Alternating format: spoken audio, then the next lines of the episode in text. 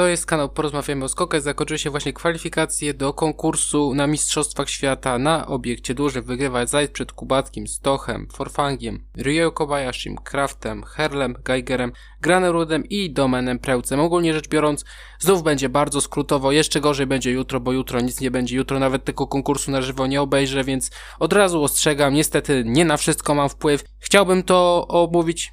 Zakładam, że będzie warto to omówić, ale jednak no do tego nie dojdzie. W sobotę drużynówka, spokojnie omówię tak jak robię to zazwyczaj, ale niestety, no indywidualnego kursu niestety nie omówię. W każdym razie zdarzyło się też mnóstwo innych rzeczy ciekawych. Upadek Petera Prełca, na szczęście nic się nie stało. Chociaż wyglądało to naprawdę bardzo źle. Nepotyzm i niekompetencja w słowackich skokach, chociażby jeszcze parę innych rzeczy typu Mistrzostwo Świata Aleksandry Luti, zakończenie kariery przez Kinga. Ogólnie jeśli chodzi o Luti, to trzeba jej poświęcić co najmniej kilka słów dzisiaj, mimo tego, że to nie jest materiał dedykowany.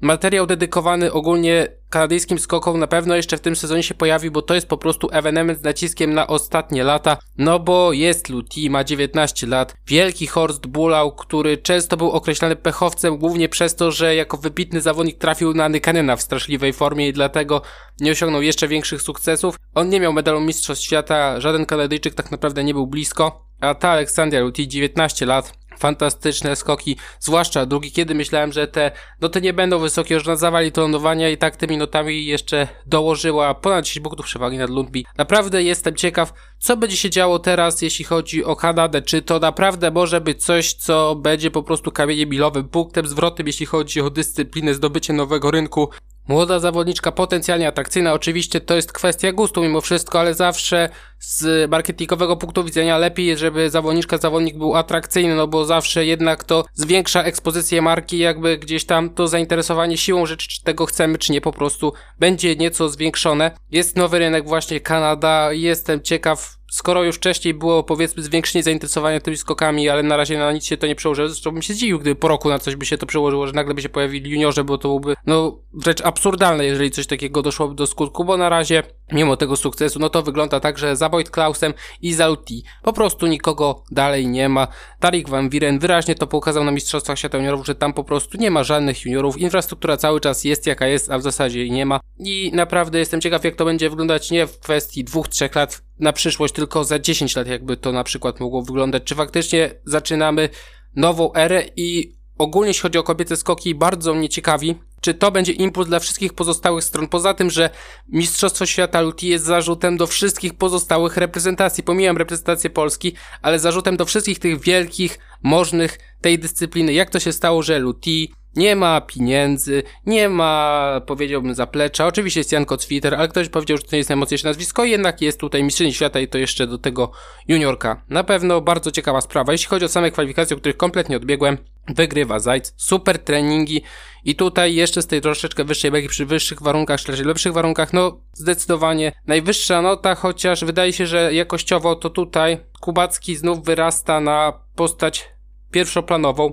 Wygrana seria prób na mocny wiatr zresztą ogólnie końcówka. Kraft, Laniszek, Żyła, to było tam dość mocno z tyłu i to raczej te wyniki nie są do końca miarodajne, zwłaszcza jeśli chodzi o czołową piątkę listy startowej, ale wydaje mi się, że Kubacki mimo tych problemów chyba jest na tyle zaleczony, że postawiłbym go na pierwszym miejscu, jeśli chodzi o walkę o medale. Miejsce trzecie Stoch, występ bardzo przyzwoity, bardzo wysokie noty. Być może Stoch teraz przejmie pałeczkę, którą miał Kraft na normalnej skoczni, czyli wysokie noty, bardzo wysokie, a momentami nawet absurdalnie wysokie noty. Miejsce czwarte Johan Andre Forfang, skok też naprawdę bardzo dobry, ogólnie najlepszy z Norwegów. Piąte miejsce Ryo Kobayashi, Pojedyncze skoki bardzo dobre, próbna bardzo dobra, tutaj skok dobry. Jestem ciekaw, czy trochę środkuje za normalną skocznię. Szósty Kraft, ale tak jak mówię, Kraft trafił też poniżej średniej, chociaż na treningach też Kraft nie był jakiś bardzo szalejący.